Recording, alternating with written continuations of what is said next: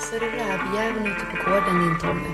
Titta så jävla nära han är vet du. Du ligger och söver. Låt oss presentera Nathalie Jonsson.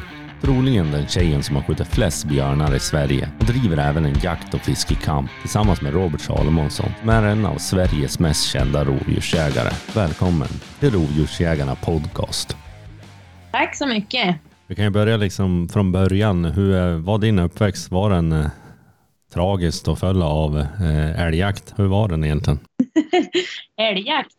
Nej, det är ju det är ju bland det roligaste jag vet. Nej, men det var så här att jag, jag växte ju upp eh, i Burträsk, eh, en by i Västerbotten, eh, med mamma och pappa. Och både min eh, pappa, farmor och farfar eh, har jagat hela min uppväxt. Så jag har ju varit med på jakt från då jag var liten. Eh, och det är egentligen bara älgjakt då. Eh, och min mamma och pappa skilde sig och mamma hon skaffade en ny kar och han jagade också.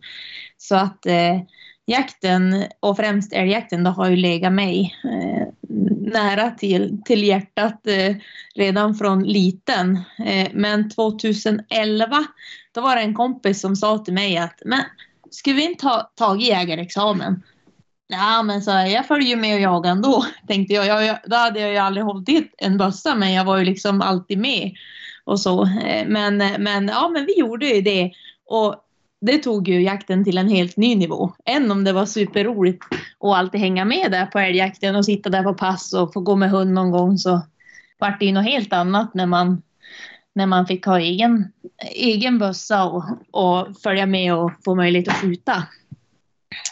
Så eh, ja, på den vägen är det. Så, så det var ju där vi, ja, 2000, om det var 9, 10 eller 11, jag kommer inte riktigt ihåg, men där kring eh, tog jag jägarexamen och så sen eh, då 2012, eh, då var första hösten som jag jagade egentligen någonting annat än älg.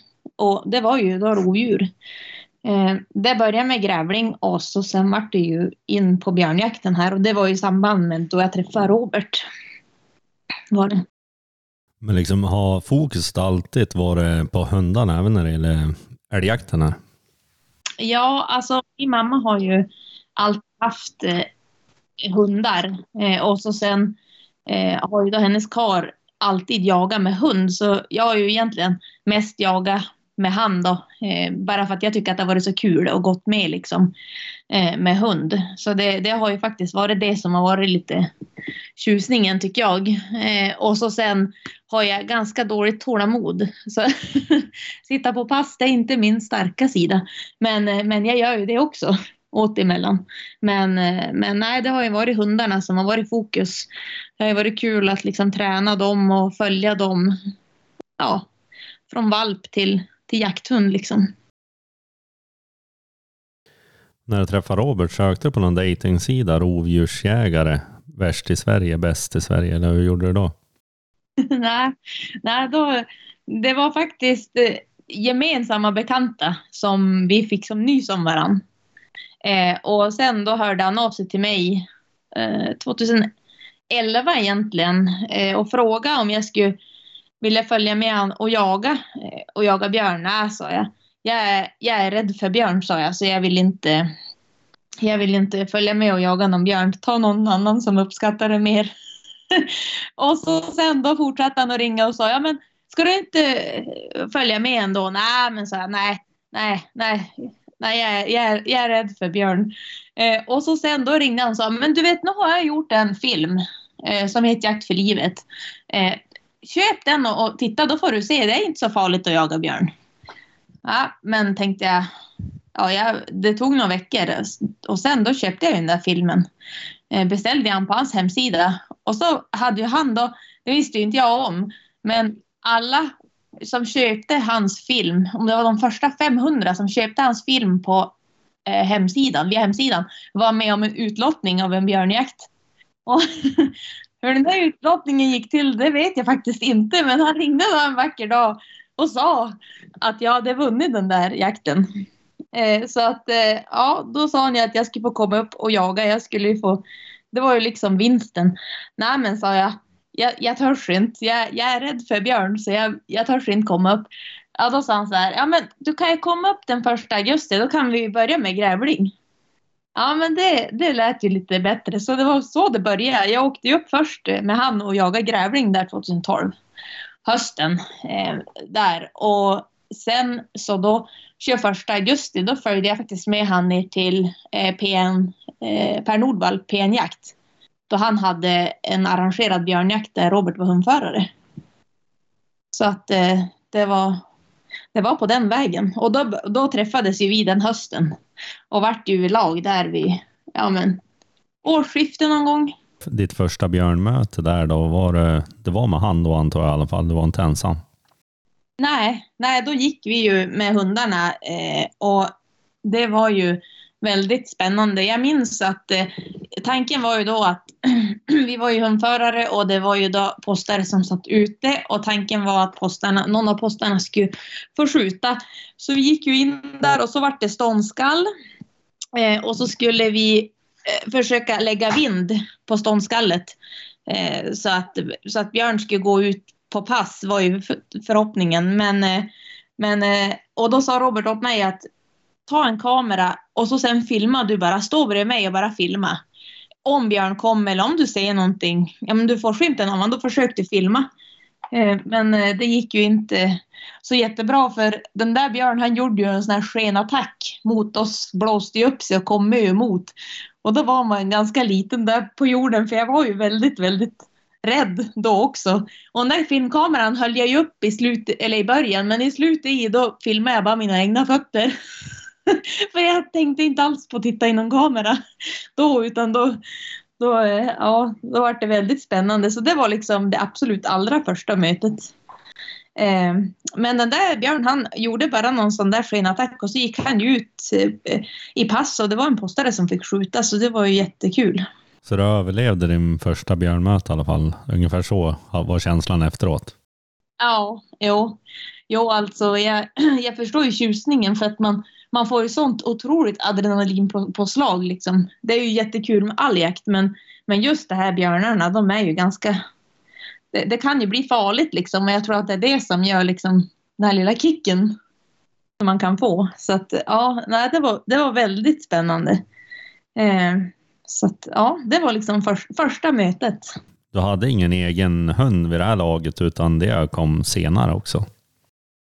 Ja, men precis. Jag eh, skaffade ju, eller vi hade ju, eller Robert hade ju hundar och jag flyttade ju till han så det var ju som, vi hjälptes ju åt att träna dem där och 2014 då skaffade jag ju en jämthund eh, från eh, Pajala Päskysens Birka heter hon, Kipa, som jag har döpt hon till. Och det var ju som egentligen min egna första hund. Och det var ju en älghund. Tanken var ju det. Men faktiskt, bland det första hon skällde, det var ju Björn. Eh, och det var första hösten och då var hon inte gammal och då var vi ute och skulle sätta ut någon saltsten. Eh, och eh, hon eh, hon var ju mer lös i början av augusti. Och for ju iväg och så började hon ju skälla. Och vi, salt, vi var ju vid en saltsten så jag tänkte ja ja, det är väl, hon kanske har letat åt en älg eller hon kan ju skälla på en tjäder och ja men du vet unghundar, de kan ju skälla på vad som helst. Men skällde ju där och så kommer det ju sakta mot oss. Så vi gick ju, vi gick ju mot det där och bara ställde oss och väntade. Då kom hon ju med björnhona och två ungar. Och då var hon, ja, hon är väl född hon var ju bara några månader då. Så att, eh, ja, det var liksom, det var som hennes första, första, vad ska man säga, skällning också. Så då, då tänkte jag, hur ska det här gå? För det var ju björnlinjer innan, men, men och jag, jag tänkte ju absolut hana bara till älg. Men alltså hon alltså, letade ju aktivt och skällde björn själv, så det var ju lite roligt. Ehm, så att ja, och hon har ju då efter det här också letat åt och skällt björn på frisök. Alltså bara valt björn liksom. Och vi har ju skjutit flera åtna efter det också så det så var det med den älghunden. Men hon funkar ju även på älg så det är ju jättekul.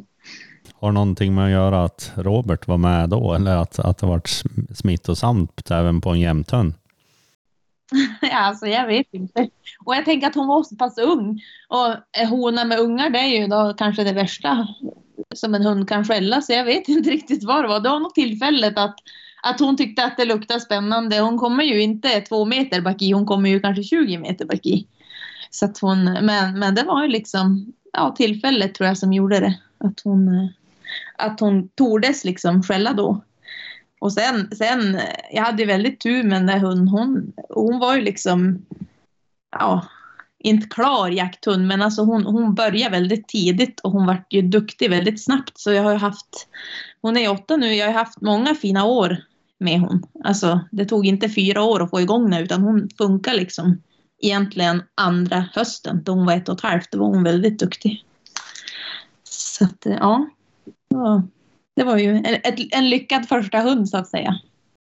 Men hur har du gjort med henne då för att hon skulle bli så här lyckad? Har du varit ute mycket eller spåra eller har du gjort något? Hur har du gjort? Så kanske egentligen inte något speciellt. Jag har ju bara varit ute med honom mycket. Men det är också där i början, mitten, ja men i början på september. Jag har varit ute med honom mycket. Jag, jag plockar mycket svamp. Och så gör vi ju med alla våra unghundar. Då brukar jag ju ta med valparna när de är några månader så får de följa med i skogen och bara skogsträna. Och just det här med svampplockningen, den tycker jag är ganska bra för att då står man Ja, alternativet är ju att sätta sig på en stubbe och vänta, men man är ju som på samma ställe så då kan ju valparna fara ut och utforska och komma tillbaka så att man ändå är kvar på ungefär samma ställe. Eh, så att, eh, det är väl det att jag har varit ute med henne mycket. Eh, och så sen att, att hon hade, hade det här lilla extra. Det är ju så. Och att hon var tidig. Så att, eh, nej, det var, det var väldigt lyckat. Den första björnen som fälldes här för Kipa, eh, hur var den? Hur gick den historien? Jo, men det var, det var våran gamla Urak som inte lever idag. Den kanske bästa björnhunden som vi har haft och kommer att ha, känns det som. Han, han, han och Kipa då, då släppte vi de två tillsammans. Eh, och det var ju såklart för att hon skulle få, få stöd av han. Eh, så vi släppte dem tillsammans eh, och då, då letade de åt den här björn och eh, hon skällde den tillsammans med han på gångstånd och ståndskall och gångstånd någon timme innan. Det var faktiskt Robert som sköt den. Så att så var liksom första första björn. Men sen är det ju så att vi har ju, har ju haft, eller vi har ju så pass mycket men, alltså rovdjurshundar som vi har mer bara till rovdjur. Så hon har inte blivit riktigt prioriterad i rovdjursjakten. Så, utan då har vi ju använt de andra björnhundarna som vi har, eller rovdjurshundarna som vi har. För tanken är ju ändå älghund, men hon har ju liksom ändå funkat. Eh, och så, så att det är ju jättekul. Hon har ju lyft mesta björnarna på, alltså under älgjakt, då började jag jaga. För under björnjakt då har vi ju oftast inte prioriterat henne. Så, att, så det har ju blivit liksom att, ja, hon har, hon har bara visat ett stort intresse. Och det är klart att då är det ju roligt och uppmuntrande. För ofta, nu, nu är det ju längre björnjakt, men tidigare då var ju björnjakten bara två, tre, fyra dagar. I alla fall här i Västerbotten. Och det är klart att det blir så få jakter för en björnhund. Så då prioriterar man ju kanske inte de som ska jaga älg resten av hösten än om de själv björn. Så då, eh, ja. Men, men så hon har ju lyft väldigt många björnar och skällt på frisök under älgjakten. Men eh, som man inte då har kunnat skjuta. Så att, eh, nej men så det var ju kul att man som uppmuntrar hon. Och det är klart att hon har ju man har ju märkt det, är Björn minsta lilla elak, då har hon ju ibland bara vikit ner sig och bara lämnat. Så hon är ju inte, hon kanske inte är den vassaste, men, men, men hon själv, rätt björn, rätt tillfälle, då är hon jätteduktig. Då gör hon riktigt bra jobb. Du sa här att Urak eh, var den bästa hunden du har jagat med, uppfattar jag det som. Och vad gjorde den så bra? Ja, han var ju otroligt duktig på spåra.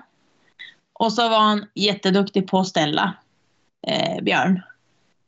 Eh, så det var ju liksom, han hade ju både, bo, både de spårande egenskaperna och ställande egenskaperna. Och så sen var han ju ja, men en fantastiskt fin familjehund. Otroligt snäll. Eh, och lugn och fin att hantera och liksom, ja, väldigt, väldigt fin hund på alla sätt och vis.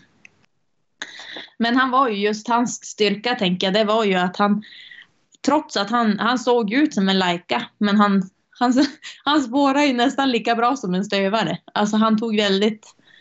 Ja men ser man en björn springa över vägen på kvällen så kunde man få släppa han på gamla spår liksom. Han, han, han var otroligt duktig på att spåra. Och, alltså han tog god tid på sig och han... Alltså sen var han ju i slutet i, när han var unghund jagade han ju allt möjligt men i slutet i då var han ju väldigt säker också. Det var ju sällan att han bytte till, till älg eller så utan han var, han var väldigt duktig. Och spåra är helt tyst. Han, han var ju helt tyst ända fram till, till han mötte björn. För då visste man ju liksom att, eller det djur man nu jagar med han, oavsett så spårade han tyst. Så när han skällde då visste man att han hade ögonkontakt. Och det är också en, en, en tycker jag är en bra grej när man jagar, att man vet. För när man jagar med stövare då kan det vara lite svårt att veta om de har, har björn på benen och hur nära björn är och sådär. Du vet, han kan ju komma flera hundra meter före ibland.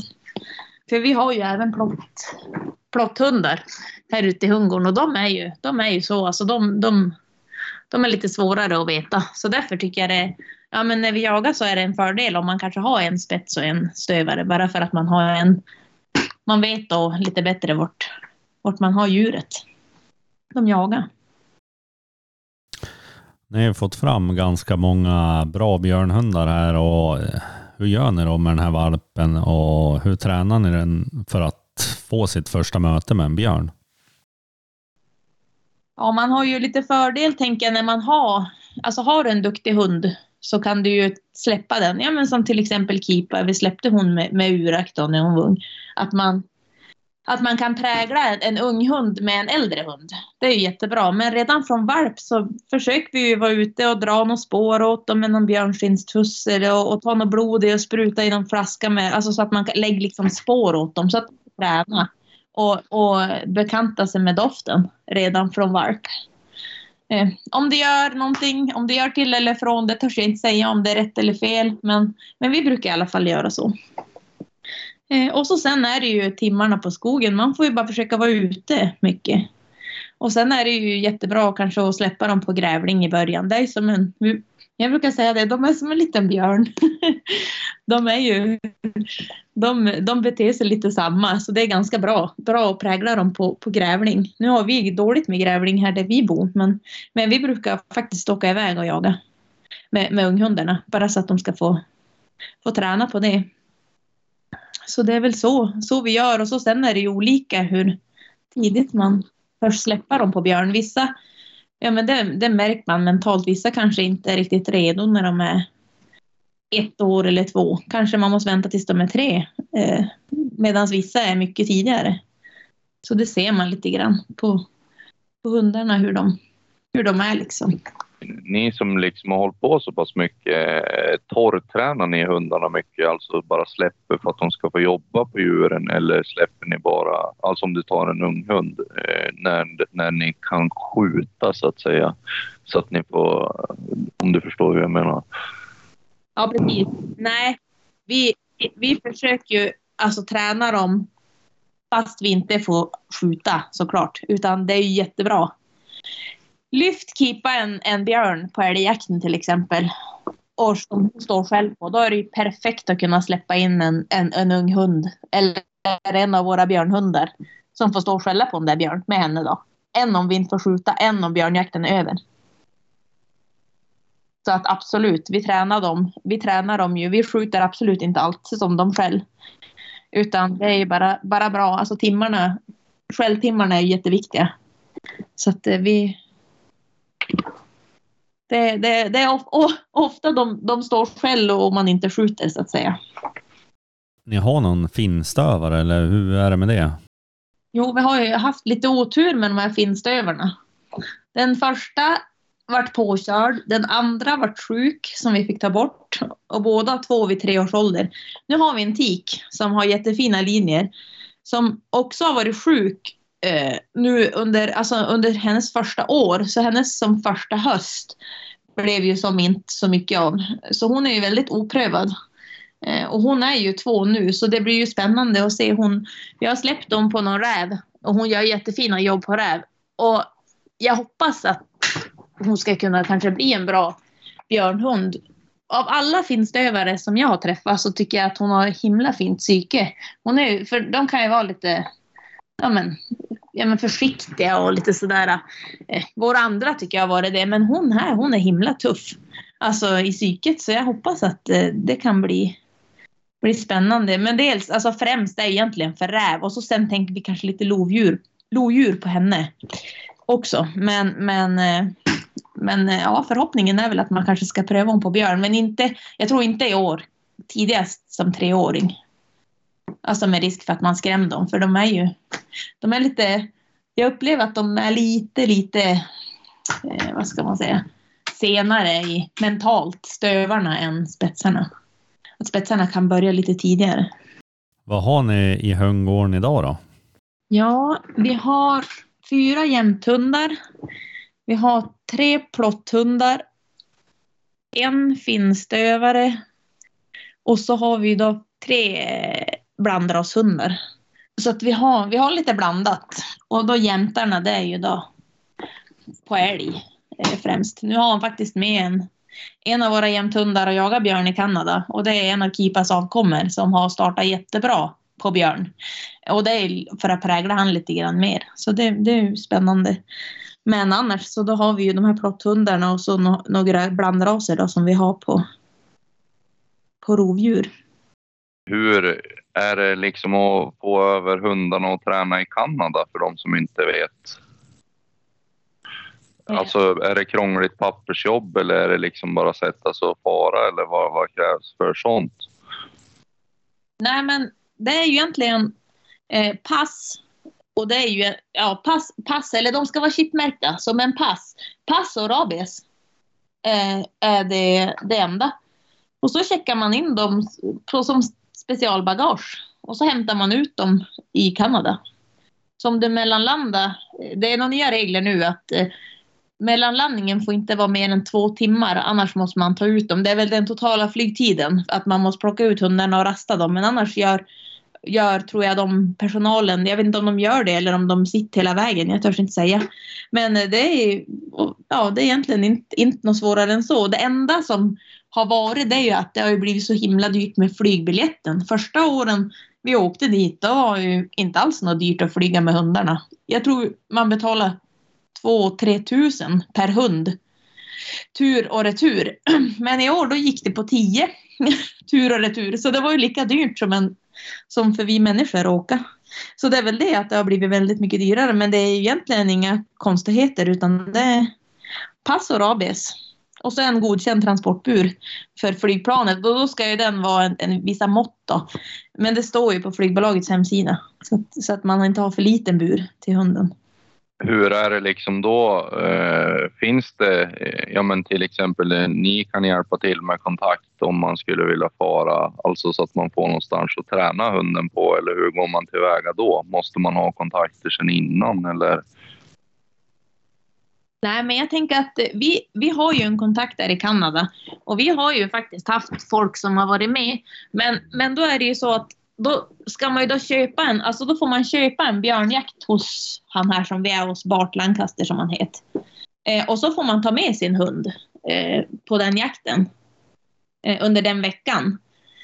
Eh, och det som är bra då tänker jag att har du köpt en jakt en vecka, eh, då får ju din hund och du vara med och jaga under den veckan. Skjut du din björn eh, på dag ett så får ju ändå du och din hund vara med resten av veckan. Om det blir läge, och det blir det. Alltså där, där kan det vara tre jakter om dagen. Alltså det, det, så där, där får de ju väldigt mycket träning, hundarna. Eh, så att, eh, nej, så det är ju, det är ju faktiskt en... Alltså vill du träna igång en hund och just få, få rutin på att skälla. Det är ju man släpper ju oftast flera hundar där. Eh, och det är ju inte för att det är fördelaktigt, fördelaktigt för jakten utan det är för att det är varg i området. Så släpper du bara två hundar som står självståndskall på en björn som sitter i träd. flera kilometer från närmsta väg eh, och så kom det en vargflock, då tar de ju de där hundarna. Så det är bara av, av den aspekten man släpper fler hundar eh, på, på de där i Kanada. Så ska du ha en hund som du vill prägla och lära och spåra och jaga björn självständigt, då är ju inte Kanada rätt ställe. Men vill du ha en hund som ska få många skälltimmar på björn och liksom kanske bygga upp en, ja men bli liksom tuff och, och trygg i att jaga björn, eh, då är det ju ett perfekt ställe. För, för Barts hundar, de, de är väldigt tuff. De är ju, är ju riktigt duktiga jakthundar, så det är ju faktiskt en riktigt bra träning åt hundarna. Och det är ju som sagt flera, flera skällningar om dagen om man vill. Om hunden orkar. Men vi brukar ju inte släppa dem kanske varje dag för det blir ju tufft både mentalt och fysiskt för det är ganska tufft att jaga där. Dels är det ganska varmt och så sen är det ju ja, terrängen är ju det är ju det är inte, lätt, det är inte så lättsprunget så, som det kanske är här bitvis beroende på var man bor i det här landet. Så. Men det är bra, bra träning. Hur har det gått för Robert där i Kanada? Han verkar ha haft många björnmöten där. Under den här veckan så har de ju haft jättemycket björnar och jagat mycket björnar.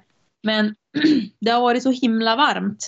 Eh, alltså det har varit 30 grader vid 11 på dagen. Så det har ju inte gått att jaga så länge utan de har ju startat typ fyra på morgnarna och så har de ju jagat fram till ja men, tio ungefär. Sen har det varit för varmt. Eh, och när man är där i Kanada så är det ju, alltså svartbjörnarna är ju lite mindre än, än våran svenska brunbjörn och de lever ju, bor ju mycket i träd så de har ju en förkärlek till att klättra i träd. Eh, och när vi är där och jagar så önskar ju vi oftast önskar gästerna att få skjuta på backen på gångstånd eller ståndskall. Eh, och det är ju inte så himla lätt då de ofta fly upp i träd och få till det. Så de har ju haft jättemånga, de har jagat många fina stora björnar som har suttit i träd men då har de ju släppt ner dem igen och alltså låtit dem vara för att de vill inte skjuta dem i träd. Så de har skjutit, de har skjutit en hittills och de ska väl skjuta fyra till. Så att eh, de, de, de har det de gör men det har, jag tror värmen har satt lite stopp också för, för jakten där i år. Det, vi brukar ju inte vara där så här sent. Vi brukar vara där i maj. Nu, det, alltså det är stor skillnad på, på temperaturen där som här. Så att, eh, ja, det, det, var väl det. Och så det är klart, det är ju då lättare för en stövare. Det ser man ju på deras hundar. De jagar ju mest med stövare. Han har några spetsar bart också, men, men att de, de klarar ju värmen bättre. De blir ju inte, de lunkar ju på i sin takt, men spetsarna blir ju ganska fort trött när det blir varmt. Har ni tagit hem någon hund som han har fött upp då? Hur har det gått? Men vi har inte det. Men däremot har vi skickat dit en avkomma efter Urak. Eh, och den har ju funkat jättebra. Eh, där. Och vi har ju en bror till den nu också och han funkar ju väldigt bra här. Eh, så att det är ju kul. Det är ju en av hans absolut bästa hundar som han har haft, säger han. Bart. Han är väldigt, väldigt nöjd med den där hunden. Det är ju en, en eh, Laika, men han, eller Laika-blandning då, efter Urak, men han, han, eh, han funkar lite grann som stövarna. Han, han strejkar när han känner björndoft och skällan. Eh, han har som lärt sig av dem tror jag, hur man ska göra liksom. Och sen är han jätteduktig på att jaga. Han är, han är väldigt nöjd med den.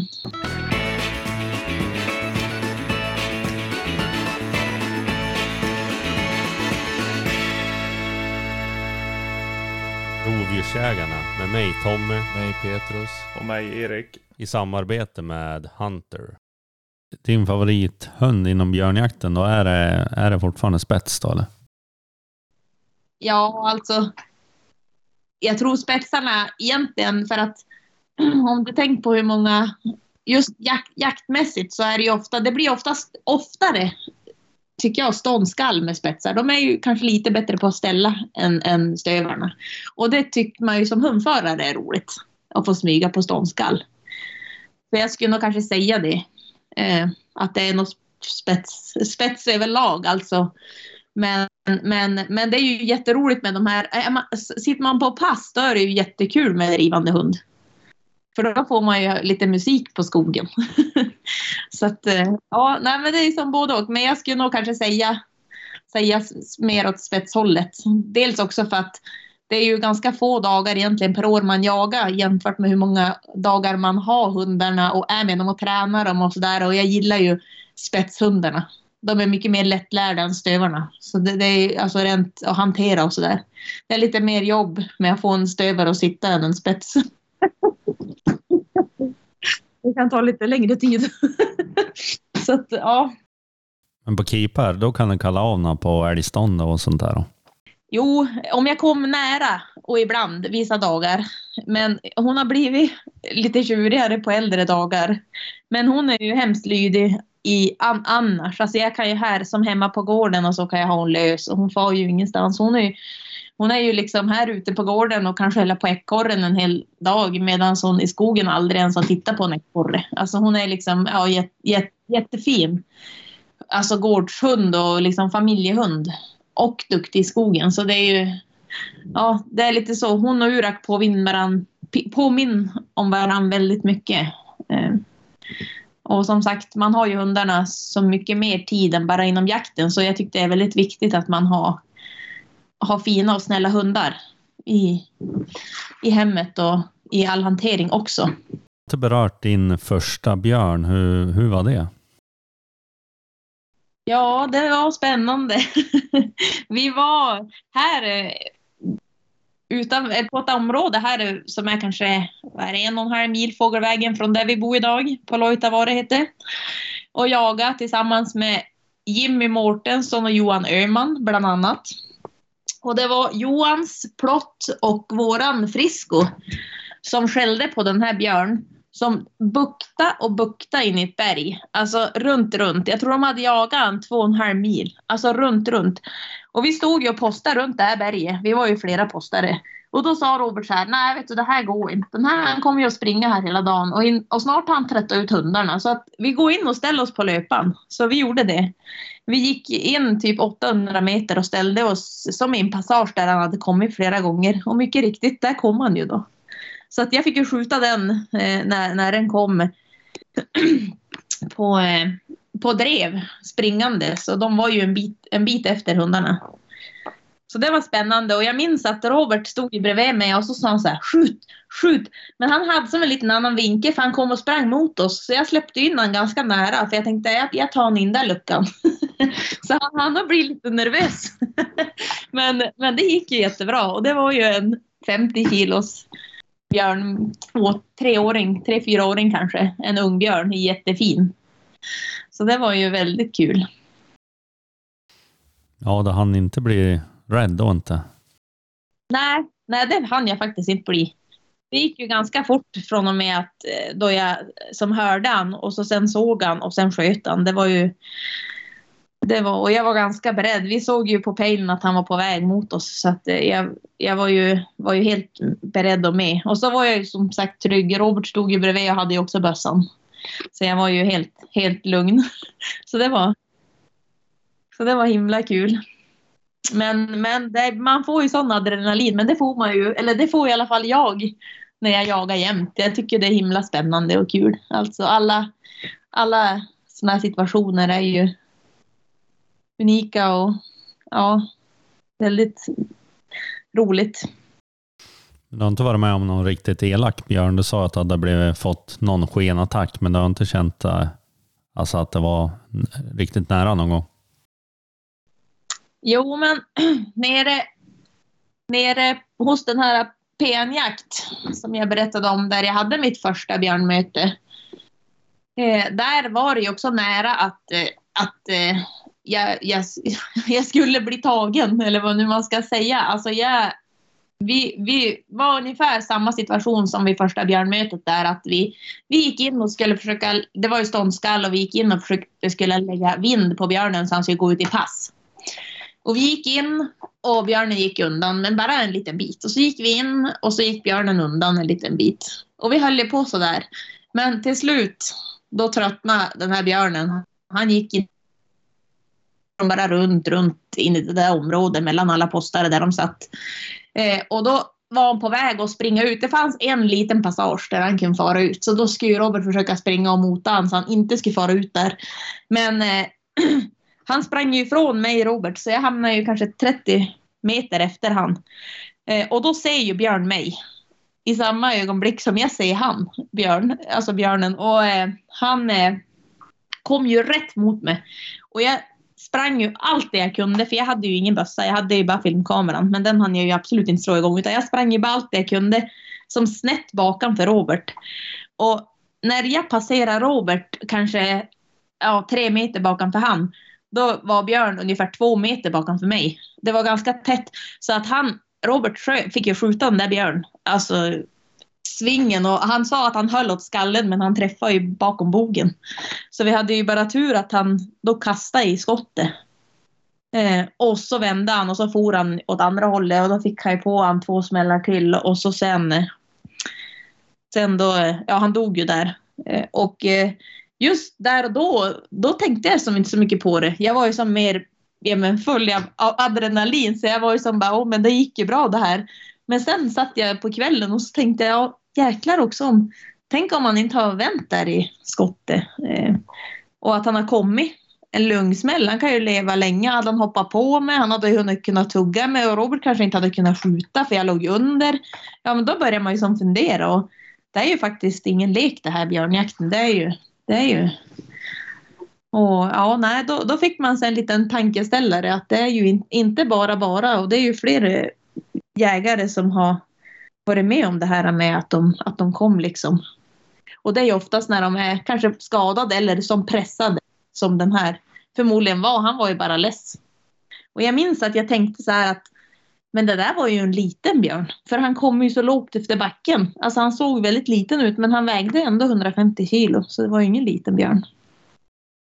Man ska ha respekt för de här djuren och samtidigt kan ju man har ju varit med om elaka älgar också såklart men på något sätt så känns det lite mellanmjölk gentemot en sån här björn som kommer springande mot en.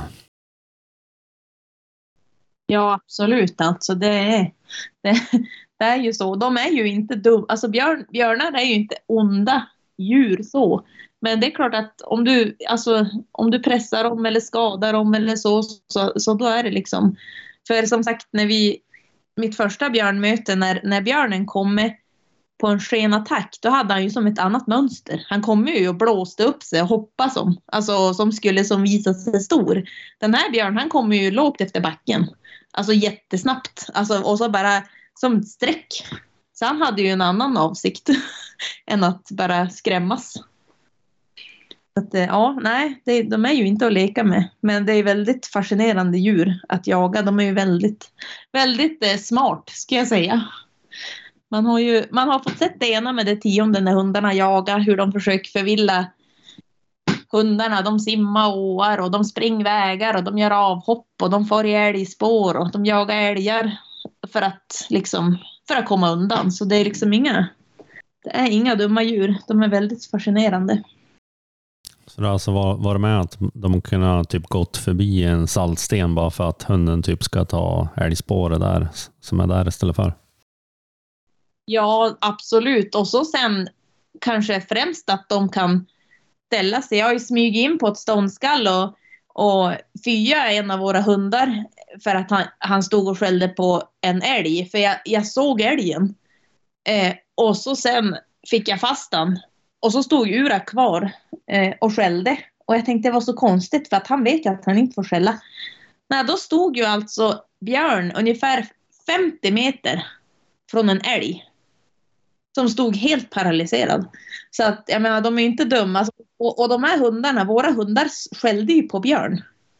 Alltså, men jag trodde ju att de skällde på älgen. För jag såg ju älgen på långt håll, så jag började ju skrika på långt håll. Eh, och då kommer ju då Viking, en av våra hundar som vi har nu. Eh, men Urak stod ju kvar. Och jag vart så arg. Och jag tänkte, men du din dumma. Och jag tog fast den här Viking i koppel och så sprang jag ju emot då. Då stack ju älgen. Och så sen stack, kom ju Björn han sprang som snett mot mig. Och då hade jag ju, jag hade ju ingen bössa med mig för det var en postare som hade sett att det kom en älg över vägen. Och sen sa han att hundarna for efter. Men alltså då hade han ju missat Björn. förmodligen när han passerade, för han var ju framför hundarna. Så det var ju, alltså de, de kan göra sådana saker liksom. Så det är egentligen inte så konstigt att, att hundarna byter till älg och många av de hundar som vi jagar björn med kanske man också jagar älg med. Så det är liksom, de, de, är, de är duktiga på att, eh, på att förvilla hundarna om de vill. Det är någon precis, eh, det är någonting och att alltså, vi är ju jägare, men det är också en björn. Björn är ju en stor predator, liksom människan, så det är, det är ju ganska logiskt att de borde vara lite smarta också. Ja, men visst. Absolut. Hur många björnar har du fått äran att skjuta? Man ser ju ofta att du springer omkring med en filmkamera. Ja, alltså jag filmar ju oftast. Men jag har skjutit sex björnar i Sverige och två i Kanada. Har jag. Vilken björn ligger det varmast om hjärtat? Ja, jag vet faktiskt inte. Oh, svårt. Alla är ju som lite unika sådär. Men det kanske ändå är den första björnen jag sköt. Med tanke på att det är ju ändå det är ju liksom en, en, en helt ny upplevelse då. Det var ju faktiskt väldigt mäktigt. Men, men som sagt, alla, alla eh, jakter är ju unika på sitt sätt. Men jag, om jag ska välja en så då skulle jag nog säga den första björn, björnen som jag sköt, som jag berättade om tidigare.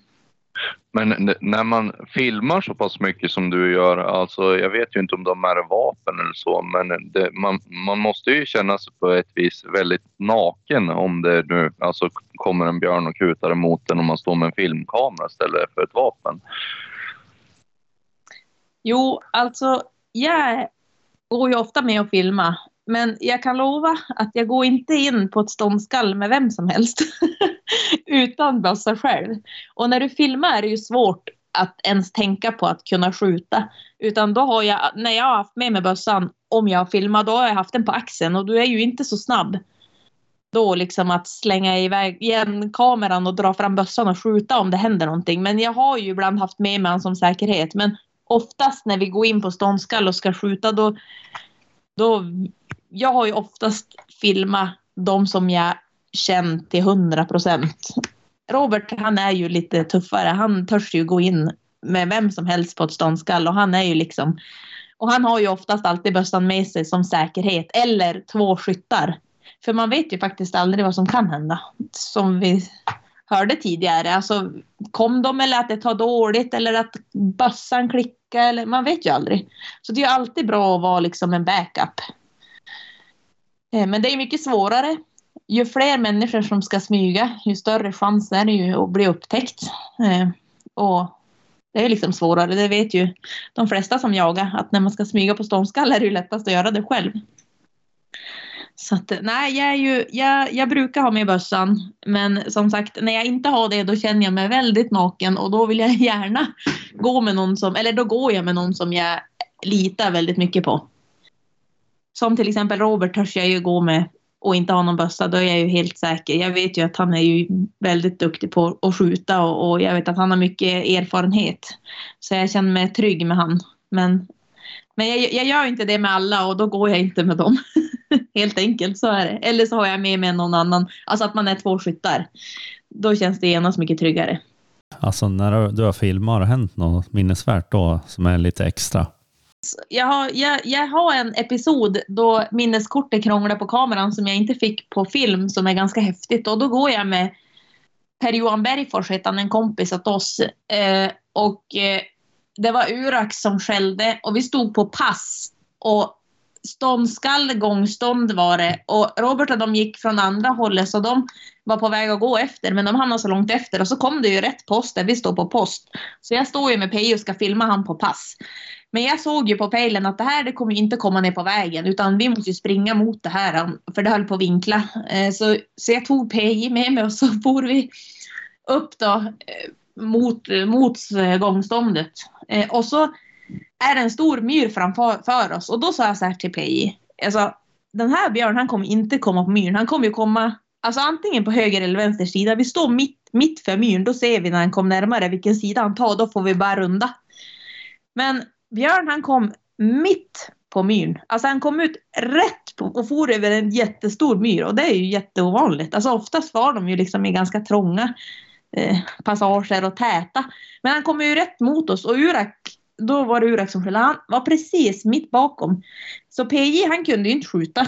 Alltså han, han satt, satt sig ner på knä, jag stod bakom honom. Men när Björn hade ungefär 10 meter kvar och han kastade huvudet så här och tittade på Urak, då ställer sig PJ upp. Och Björn ser fortfarande in PJ och så släpper han in han på kanske två meter. Alltså han skjuter han alltså precis mitt framför benen. Men då hade jag hunnit börja backa för jag tänkte, det här så här nära vill jag inte stå. Jag måste gå och ställa mig bakom ett träd om det här inte går något bra. För då hade jag ju heller ingen bra start. Och jag hade ju tyvärr inte filmkameran igång heller. För det, var, det är ju en av de häftigaste episoderna som jag och PJ har på våra näthinnor. När han kom så där. Och när han då skjut, då ställer han sig. Han släppte ju in Björn så pass nära för att han kunde ju inte, alltså han sköt ju som snett uppifrån för att hund var bakom. För att minska risken liksom för att hund skulle bli skjuten. Eh, och då ställer han sig på bakbenen på ungefär tre meter framför PJ och bara så här vråla det, var ju, det är ju bland det häftigaste jag har varit med om. Och det var ju så otroligt otur att jag inte fick det på film. Och det var inte roligt att heta Nathalie och komma tillbaks till bilen och ha missat det där på film heller. jag fick nog höra det sen, hur jag kunde klanta till det med filmkameran. Men det är ju bland det häftigaste episod jag har varit med om. Det var iskallt av PJ var det verkligen. Att vänta så länge och det var ju det, rätt, det enda rätta. Alltså han hade ju inte kunnat skjuta för, med risk för hund. Um, så att uh, ja, det var, det var häftigt. En spännande upplevelse här. Det var verkligen en spännande upplevelse. Men jag tänkte förut sa du någonting om hur, att man kan vara flera stycken på att gå in på ett ståndskall här. Men vad, vad upplever du som enklast? Att smyga på en älg eller är det att smyga på en björn? Ja, alltså det är så himla olika. Ibland då kan man ju prata och gå in på en björn. Alltså då bryr de sig inte för fem öre. Och ibland då får inte en kvist gå av, då sticker de. Eh, och en älg, han är ju liksom...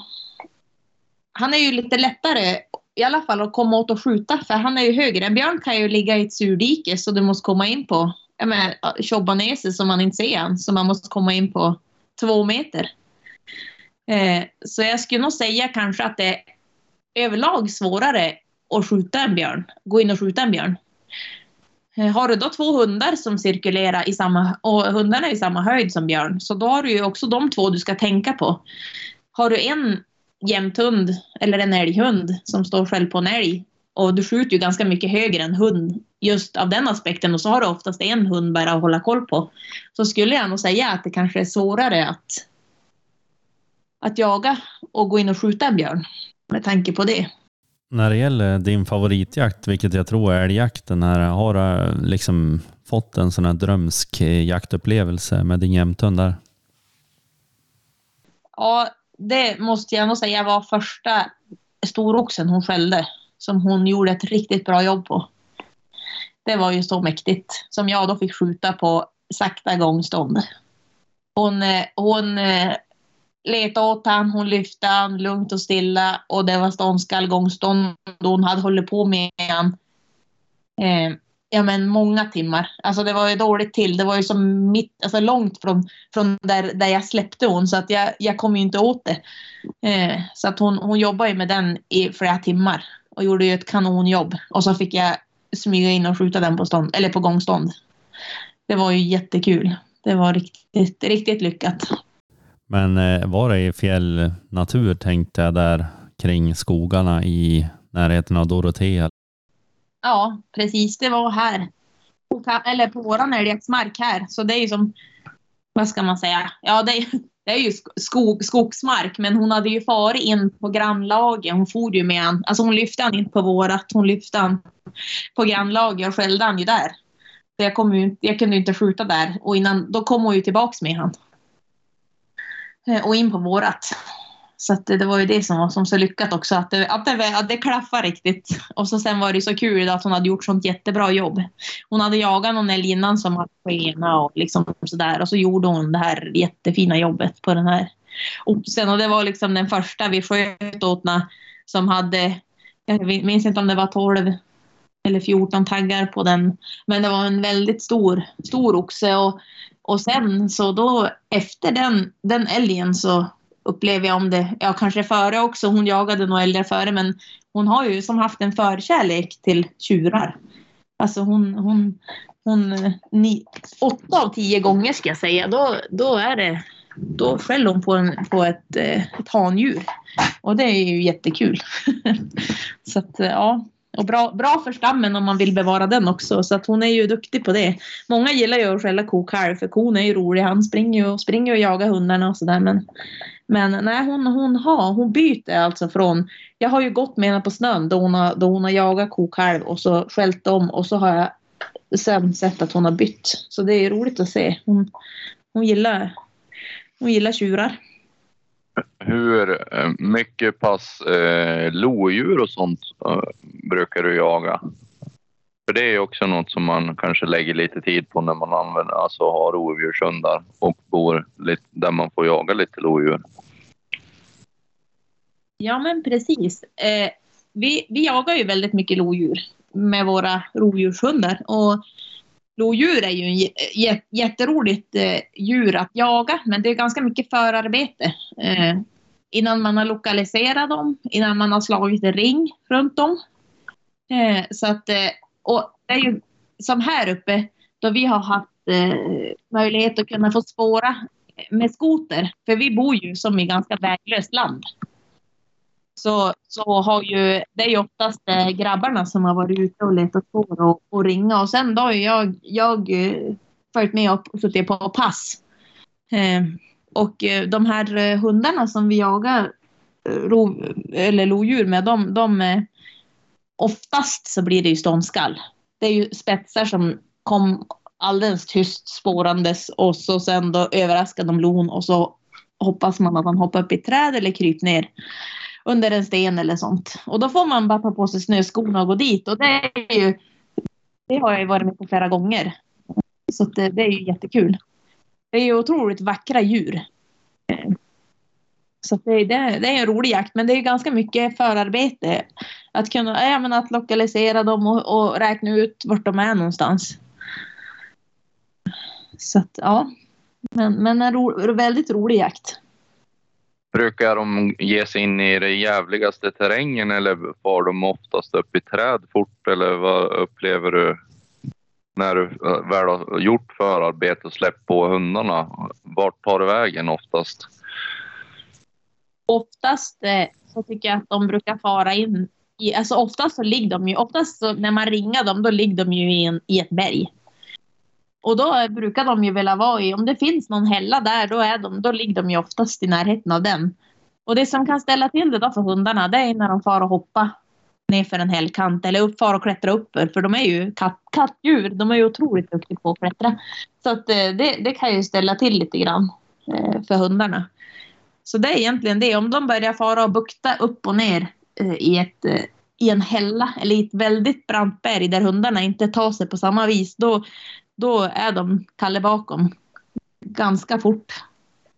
Eh, och det är ju, eh, lodjur är inte dummare att förstå än att det här, det här var ju ett bra sätt att komma undan liksom. Så att då, då kan de ju fara där upp och ner. Så att, ja, det är väl det. det är ju, men, men oftast, ja, oftast så tycker jag de brukar ligga i någon hällsluttning och sola på dagen om det är sol eller att de är liksom, de vill ligga högt så de har lite koll, koll på läget. Ni har, ni har inte jagat så mycket räv då med andra ord i och med att finstövarna har försvunnit ganska fort för er? Eller tar ni dit folk och jagar räv eller?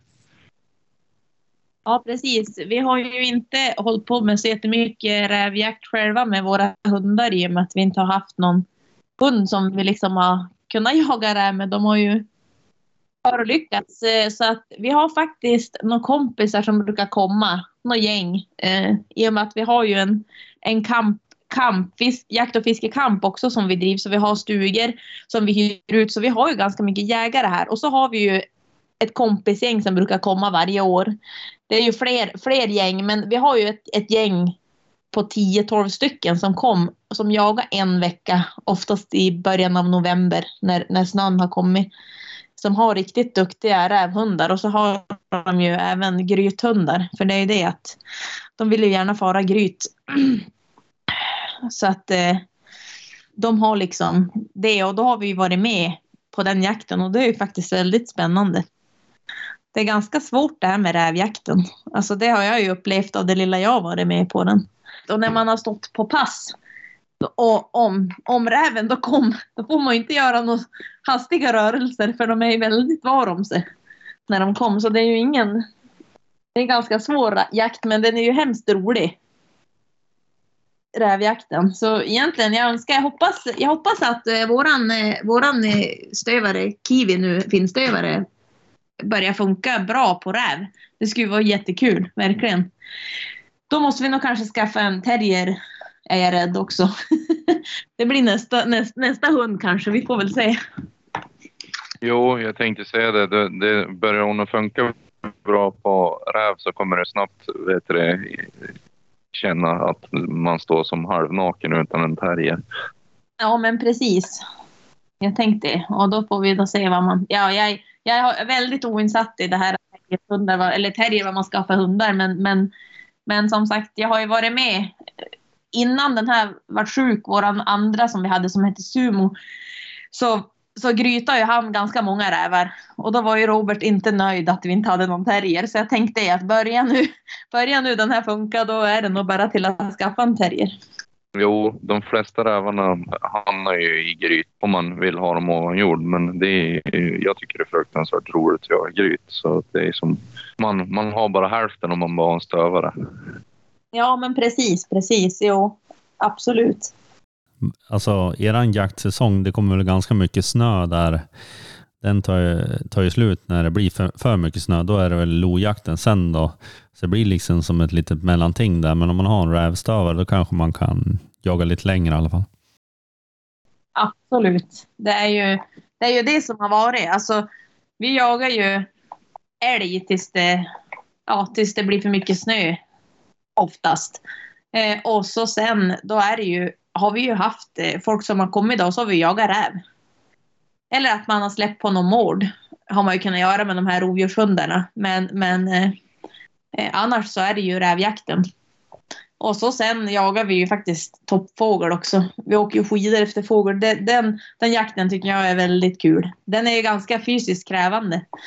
Och det tycker jag är en liten utmaning. Dels det och så är det ju ett speciellt skytte för det kan ju bli lite avstånd och sådär. Så det är ju faktiskt en himla rolig jakt. Men om man pratar lite fysik här, eh, jag antar att det är du som tränar hundarna ganska mycket, för man ser ju att du har ett intresse av det. Hur eh, håller du dem i trim här innan björnsäsongen drar igång? Ja, vi håller ju dem i trim året om egentligen. Eh, och på vintern, då tränar jag dem med skotern. Eh, då har vi ju en sjö nedanför här där vi bor. Så jag släpper ut alla hundar i hundgården och så kör jag bäret ner. De är så van så de springer. När jag öppnar hundgården då springer de ner på isen allihop. Och så väntar de där. Så då kör man bara ner och så sen kör jag ju med dem så de får springa. Eh, och minst, alltså varannan dag i alla fall. Ibland varje dag. Eh, och så sen nu på sommaren, då har vi en fyrhjuling som jag kör dem med ja, så det, det, det är så vi tränar. Och så simning brukar vi också göra. Är det riktigt varmt så brukar vi simma med dem. Då har jag ju köpt flytvästar åt dem så att inte de ska sjunka. Och så, och så får vi dem i båten och så får de simma. Så brukar vi bara sätta i dem så får de simma eh, in till land. Men alla era hundar gillar vatten då eller? Eh, nej, det gör de nog inte. Men det är, liksom, det är lite roligt att se för att det är några som gillar att bada. Eh, och då när de hoppar i, då, det är det som att de andra hoppar i. Och, än om de egentligen inte tror jag gillar det så mycket. De skulle aldrig hoppa i först. Men det är det här grupptrycket. Då, då hoppar de andra i också. Så det, det har faktiskt funkat bra. Unghundarna är ju alltid lite skeptiska i början. Men, men eh, nej, det, det, det, det blir som att de, de följs liksom. Så det, det är bra. Jag tänker att det är också bra att träna dem, för det är ju i alla fall det vi jagar, där är det ju ofta, det är lite åar och mindre sjöar och sådär som ibland ja, men både björn och älgarna kan simma över och då är det ju bra om, om hundarna törs simma. Kan jag dra några pistolsnabba frågor här som lite kortare svar? Mm. Men jag ställer mina frågor nu så får du svara så ärligt du kan bara. Nej. Om du bara får välja mellan att jaga björn eller bara jaga älg, vad väljer du då?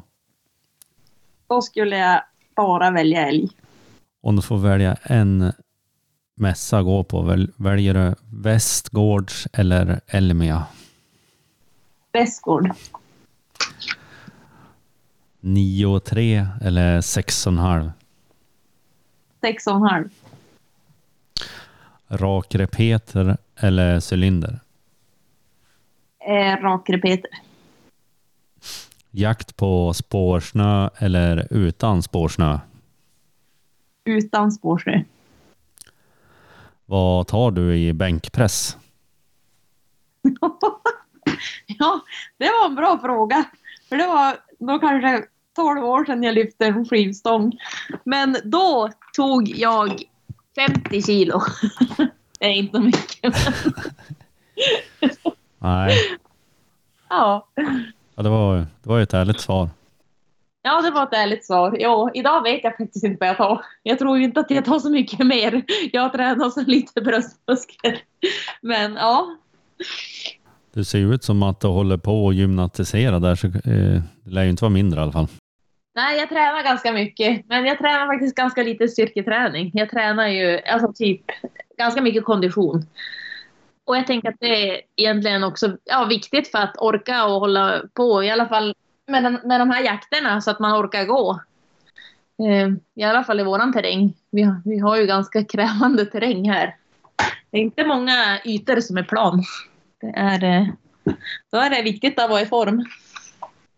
Ja, men är det bra björnmarker där i övrigt? Eh, ja, det, det är väldigt gott om björn. Jag tänkte det är ju ganska nära, alltså Jämtlandsgränsen är ju nära Strömsvattudal och där är det ju riktigt gott om, om björn. Så jag tror att de, de vandrar nog in därifrån för vi har ju väldigt mycket björn här kring. Och så sen bedriver de ju renskötsel här så att de är ju de är ju här och har ju gott om mat också så att säga. Med både älg och, älg och björn så vi har ju ganska vi har ju gott om björn faktiskt. Det skjuts ju ganska mycket björn här på skyddsjakter. Och det, det är ju för att det är gott om björn.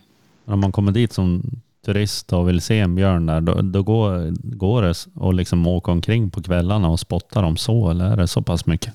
Nej, alltså. Jag har åkt otaliga timmar efter de här skogsbilvägarna. Eh, och det jag kan säga är att jag har sett mer björn än älg. För det är inte så jättegott om älg. Men jag har ändå inte sett... Jag kan inte säga att du kan fara ut och, och spana efter björn. Eh, men eh, däremot har jag faktiskt sett björn när jag har kört där ströms, mot Gäddede, Strömsund Gäddede. Där, där har jag sett björn flera gånger. Så är det någon sträcka man ska köra för att se björn, då ska jag nog rekommendera den, den lilla biten. För där, där, där har jag faktiskt sett björn två gånger. Så att, eh, men, men här alltså, nej, inte, inte sådär eh, att man kan. Det är inte som där nere i Gävleborg där man kan få se dem på, lägg, eller på åkrarna gå och äta på kvällarna. Så är det inte. Ni har varit där nere och släppt era björnhundar också, eller hur är det? Jajamän. Vi har varit där nere och jag. Eh, så att, eh, och det är, ju, det är ju himla rolig jakt. Där nere, det är ju väldigt gott om björn där nere. där är det, där är det nog läge att få ut och spana för det. Där är det väldigt, väldigt tätt. Där kan man ju sitta på pass och de kan komma ut. Ja men under en jakt där kan man ju folk se två, tre björnar plus det, det hund jagar alltså. Det, det, det var väldigt mycket björn där nere. Och det är ju kul. Och framförallt kul att fara och jaga med, med nytt folk. Men var det lättare eller svårare för hundarna där, eller? Nej, jag skulle nog säga att det kanske var... Alltså det var ju en lättare terräng att göra det. Men björnarna, de är ju, de är ju densamma. De, det, det är ju så alltså. Men, men just terrängen kontra här var ju bättre. Och det var ju mycket, när vi, eller det, då jag har varit ner, då har det, vi har ju varit mycket postare och man har ju kunnat eh, sätta ganska tätt. Så de har ju, det har ju varit lite lättare liksom att större chans att, att han ska gå i pass hos någon. Som faktiskt hände då när jag var där nere. Jag har ju bara varit nere en gång. Eh, Robert har väl varit nere fler gånger, men, men eh, och det var ju jättekul. Men er er sån här jaktkamp, vad är, vad är det för någonting egentligen för någon som inte vet? Vi har eh, stugor med självhushåll. Eh, och så sen så har vi ju då statlig mark eh, och privat mark som man kan köpa jaktkort på här. Och då är det småvilt eh, som man kan köpa. Älg och björn eh, kan vi inte för dagen sälja eh, i och med att vi själv inte har någon egen mark. Utan man får hyra stuga här eh, och så sen får man jaga eller fiska eller turista här i området och så sen då löser man jaktkort själv och vi hjälper till att visa bra områden att jaga. Och då är det ju främst fågeljakt eller rävjakt. Eh, hare har vi också några som kom per år och jaga. Och så sen fiske. Vi har väldigt mycket fiskare som kommer och fiska. På vintern är det skoteråkare och ja, det är lite blandat. Men det är stugor med, med självhushåll så de sköter sig som själv gästerna och så sen i tillägg kan man välja guidning. Så jag guidar några gånger, men främst Robert brukar jag guida. Eh, och då är det ju all typ av småviltsjakt och fiske. Tack så mycket för att du vill vara med i vår podcast och det har varit väldigt intressant att höra dina reflektioner och ditt jägarliv så här långt. Ja, men tack själva. Det har varit kul att dela med mig. Tack så mycket. Ja. Tack. Hej då. Hej, hej. Hejsan! Nu på söndag så släpper vi en ny film på våran Patreon. Vi får se när Einar Lundgren är domare åt en av Petrus tyskar.